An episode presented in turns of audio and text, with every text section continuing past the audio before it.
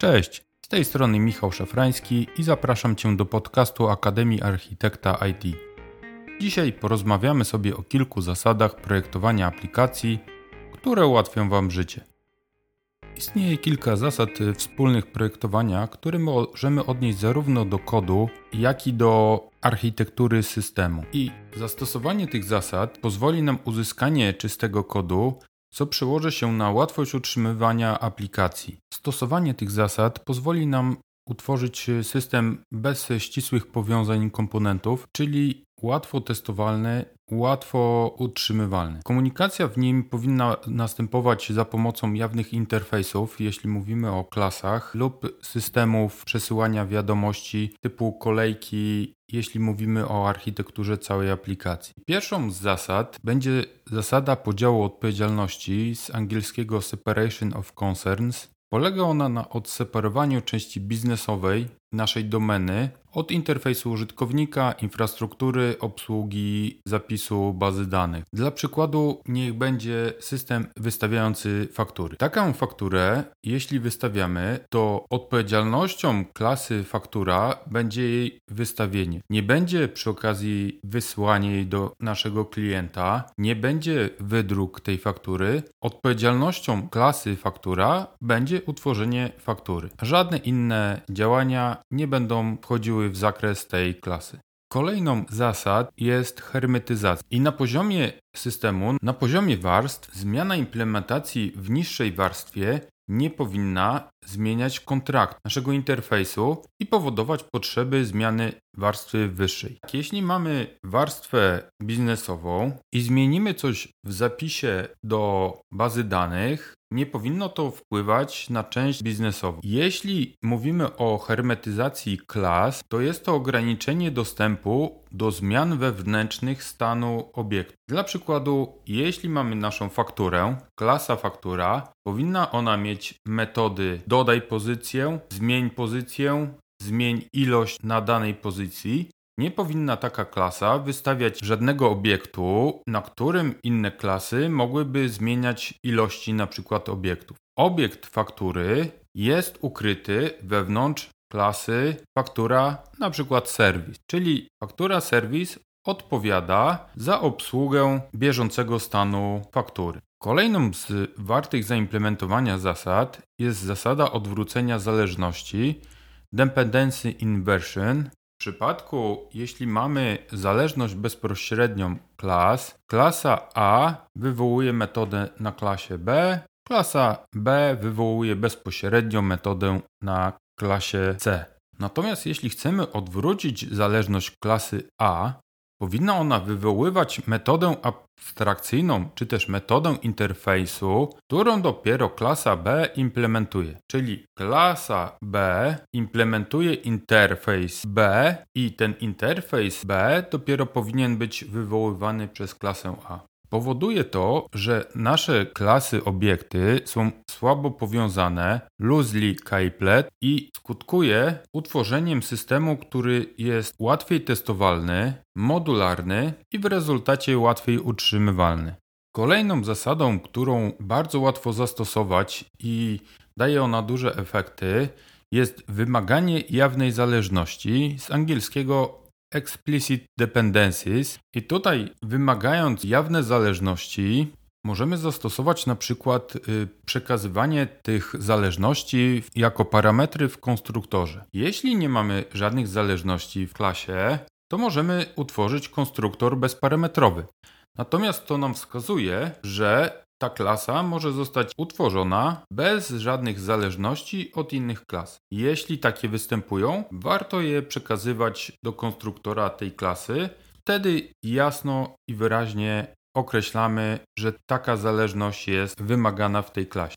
Kolejną zasadą, którą warto implementować, y, stosować w naszym systemie jest zasada pojedynczej odpowiedzialności, czyli single responsibility. Jeśli odnosi się do klasy, to nasza klasa powinna posiadać jedną odpowiedzialność, wykonywać tylko jedną rzecz. Jeśli mamy klasę faktura, to ta klasa faktura nie powinna odpowiadać za na przykład wysłanie tej faktury, albo klasa faktura nie powinna działać na stanach magazynowych. Faktura to jest dokument i tylko jako taki powinien być obsługiwany. Jeśli chodzi o warstwy systemu, to tutaj zasada pojedynczej odpowiedzialności odnosi się do warstw na przykład dostępu do danych, logiki biznesowej czy interfejsu użytkownika. Jeśli mamy interfejs użytkownika, to nie powinien on zapisywać nic do bazy danych. Tak samo jeśli logika biznesowa wykonuje jakieś działania, to powinna do warstwy zapisu dostępu do danych przekazać informacje, które przez warstwę bazodanową zostaną dopiero utrwalone. Taki podział, że jeden obiekt, jedna warstwa odpowiedzialna jest tylko za jedną rzecz, ułatwia nam testowanie. Jest to tożsame ze światem e, mikroserwisów, gdzie każdy mikroserwis posiada jedną odpowiedzialność, wykonuje jedną konkretną rzecz. Jeśli mamy mikroserwis magazyny, to magazyny nie zajmują się sprzedażą, nie zajmują się fakturowaniem, tylko mikroserwis magazyny będzie odpowiedzialny za stany magazynowe lub przesunięcia pomiędzy różnymi działami firmy, lub też odpowiadał będzie za ilość produktów w magazynie. Kolejną z wartościowych zasad jest zasada nie powtarzaj się, don't repeat yourself, w skrócie DRY.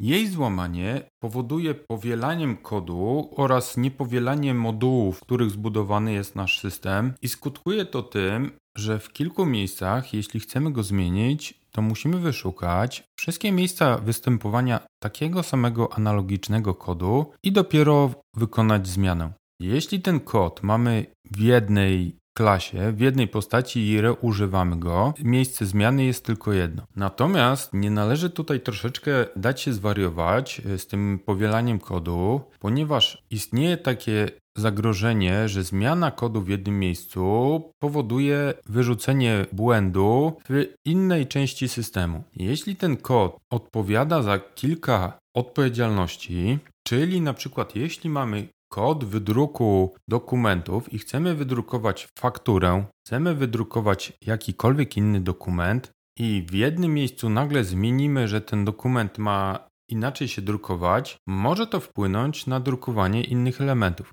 Tutaj na pewno trzeba rozważyć, czy lepiej jest powielić ten kod na dwie różne klasy, czy jednak tak zmieniać, tak projektować ten kod, żeby mógł działać w jednym miejscu, nie powodując zmiany w innych.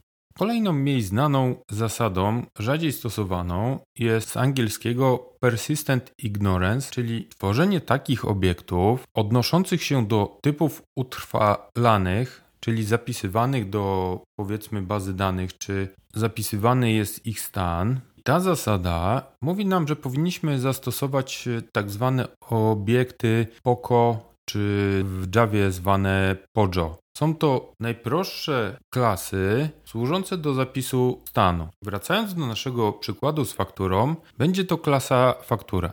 Klasa faktura będzie obsługiwana przez klasę faktura service na przykład. I w naszej klasie faktura będziemy mieli na pewno numer faktury, na jakiejś liście pozycję przedmiotów sprzedawanych, termin zapłaty, firmę sprzedającą, firmę kupującą, na pewno taki obiekt, który będziemy zapisywali w bazie danych, czy, czy będziemy zapisywali jego stan, nie powinien dziedziczyć po innych klasach, nie powinien implementować żadnych interfejsów, nie powinien posiadać żadnych metod samozapisywania się. Powinny być to najczęściej pola danych typów prostych. Mogą to być listy, jeśli chodzi o różne listy pozycji i nic ponadto. Bardzo ważną zasadą projektowania naszego systemu, naszych klas jest zasada zapożyczona z Domain Driven Design, z DDD. Jest to Bounded Context. Chodzi tutaj o podział na moduły koncepcyjne. Jeśli mamy nasz system, powinniśmy go tak podzielić, żeby jeden moduł nie był zależny od drugiego swojej odpowiedzialności. Bounded konteksty są aktualnie bardzo ściśle powiązane z mikroserwisami i każdy taki mikroserwis zajmuje się swoją działką biznesu. Jest on powinien być przynajmniej oddzielony od systemu i reszty mikroserwisów powinien mieć własną bazę danych, powinien się komunikować za pomocą wysyłania wiadomości, nie powinien być ściśle zależny od innego modułu. I tutaj wracając do naszego prostego przykładu z fakturą magazynem, to w jednej części powinniśmy mieć mikroserwisy dokumentów, czyli na przykład sprzedaży. Drugim mikroserwisem będzie część magazynowa. Część sprzedaży będzie komunikowało się do modułu magazynowego za pomocą wysyłania jej wiadomości. Hej, sprzedałem 5 komputerów na przykład, zdejmij je z magazynu. Będziemy mieli kolejny moduł wysyłki i on będzie komunikował się z modułem magazynowym. Hej, wyślij do kontrahenta 5 paczek określonych produktów.